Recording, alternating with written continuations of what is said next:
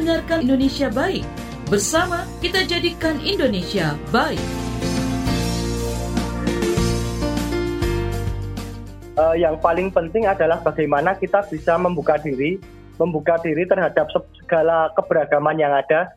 Karena keberagaman itu mengayakan Nusantara, karena keberagaman tersebut yang uh, membentuk bangsa ini menjadi menjadi indah gitu. Jadi uh, bagaimana kita dapat memaknai keberagaman ini sebagai aset terbesar bangsa kita untuk uh, memandirikan kedaulatan bangsa ini gitu.